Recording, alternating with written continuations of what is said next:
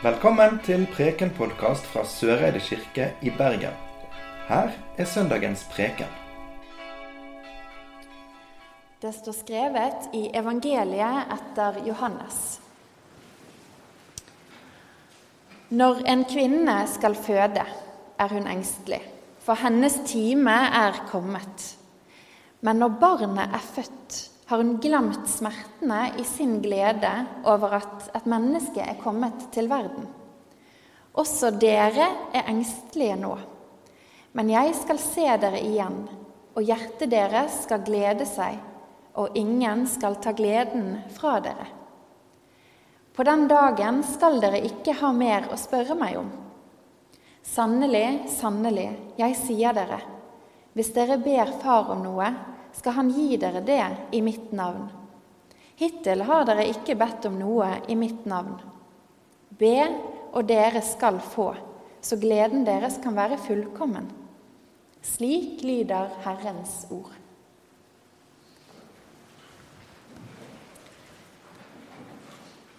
Når en kvinne skal føde, er hun engstelig, for hennes time er kommet. Men når barnet er født, har hun glemt smertene i sin glede over at et menneske er kommet til verden. Jeg kjenner at den påstanden der, den gir meg faktisk lyst til å si både evangelisten Johannes og Jesus sjøl, som han siterer, si de faktisk litt imot. Jeg tror faktisk ikke at det er så enkelt. Jeg har ikke født barn sjøl, så denne her engstelsen og smerten den har jeg ikke kjent sjøl på kroppen. Men jeg kjenner mange som har det. Og de jeg har snakket med, ofte er deres erfaring at nei, den smerten glemmer du ikke. Mange sitter, for mange så sitter det i kroppen i lang tid. Og kroppen blir aldri den samme igjen. Det er heller ikke alle fødsler som ender godt. I 2019 så var det 178 mødre, fedre, medmødre og medfedre som opplevde dødfødsel i Norge. På verdensbasis var tallet 2,6 millioner. Dette var før pandemien, så vi kan jo bare tenke oss at tallet i dag er enda høyere. Derfor så får jeg lyst til å si imot denne påstanden som evangelieteksten kommer med i dag. Det er ikke sånn at alle føler på den enorme gleden over at mennesket som kom til verden etter å ha gjennomgått de smertene en fødsel er. Bekymring og smerte er følelser mange av oss kan kjenne igjen, enten vi har født barn eller ikke. Og egentlig så tenker jeg jo at det er veldig fint at Jesus bruker fødselserfaringer for å beskrive hvordan hans egen lidelse og død kommer til å bli. At Gud sjøl bruker en kvinnes kroppslige erfaringer som bilde på sin egen lidelse, det tenker jeg er egentlig ganske stort og fint. Likevel så kommer vi ikke utenom at Jesus var mann og ikke kvinne. Og det samme gjelder evangelisten. De har ikke kjent på kroppene sine hvordan det er å føde barn. Men så er det jo sånn at kvinnens erfaring opp gjennom tidene det er ofte skrevet med ordene til en mann. Sånn har verden sett ut i ganske så lang tid. Og jeg syns kanskje at vi ikke skal drive og klandre verken Jesus eller Johannes for akkurat det. Jeg tenker at vi kanskje heller må prøve å tolke de i beste mening. For kanskje det òg er noe av det som er poenget.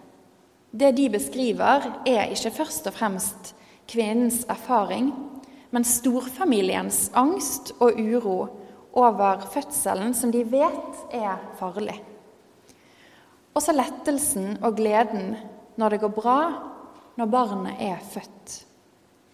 Dette er jo skrevet i en tid der de kollektive opplevelsene var viktigere enn de individuelle. En fødsel var faktisk livstruende. Ikke bare for mor og barn, men for en hel storfamilie.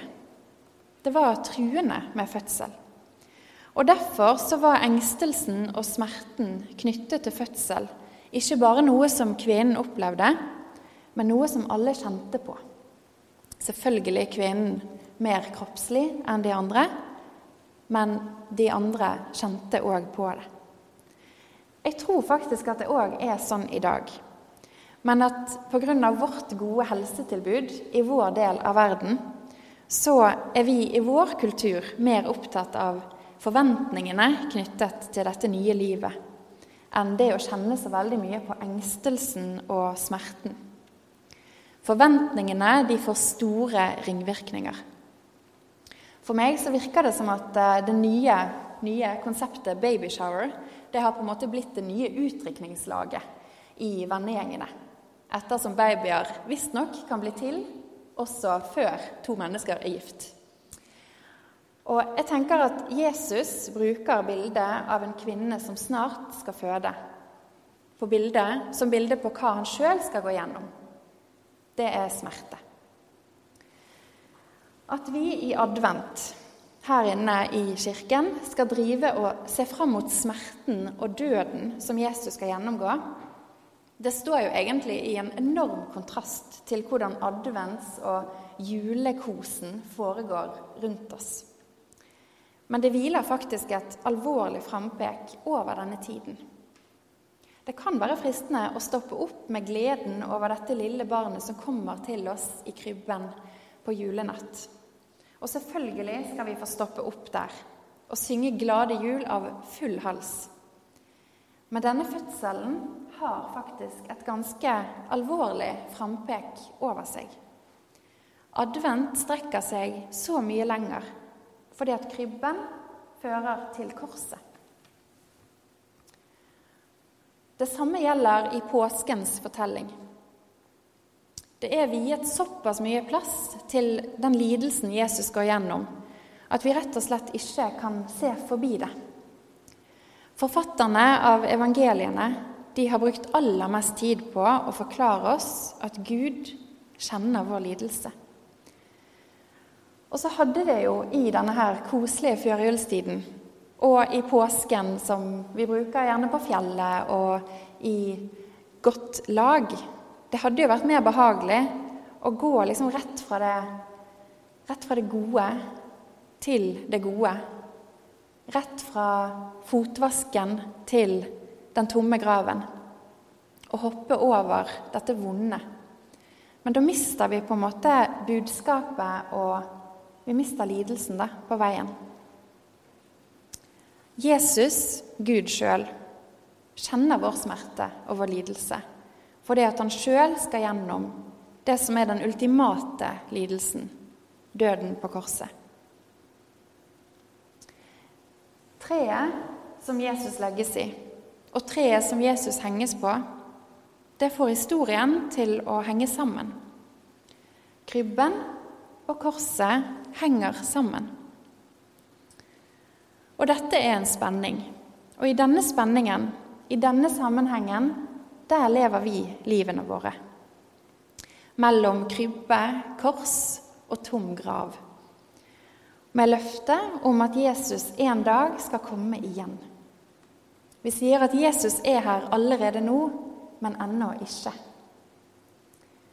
Jesus, vår Gud, har sjøl kjent det på sin egen kropp, og gjennom sitt liv, død og oppstandelse har han gitt oss et glimt av det som skal komme.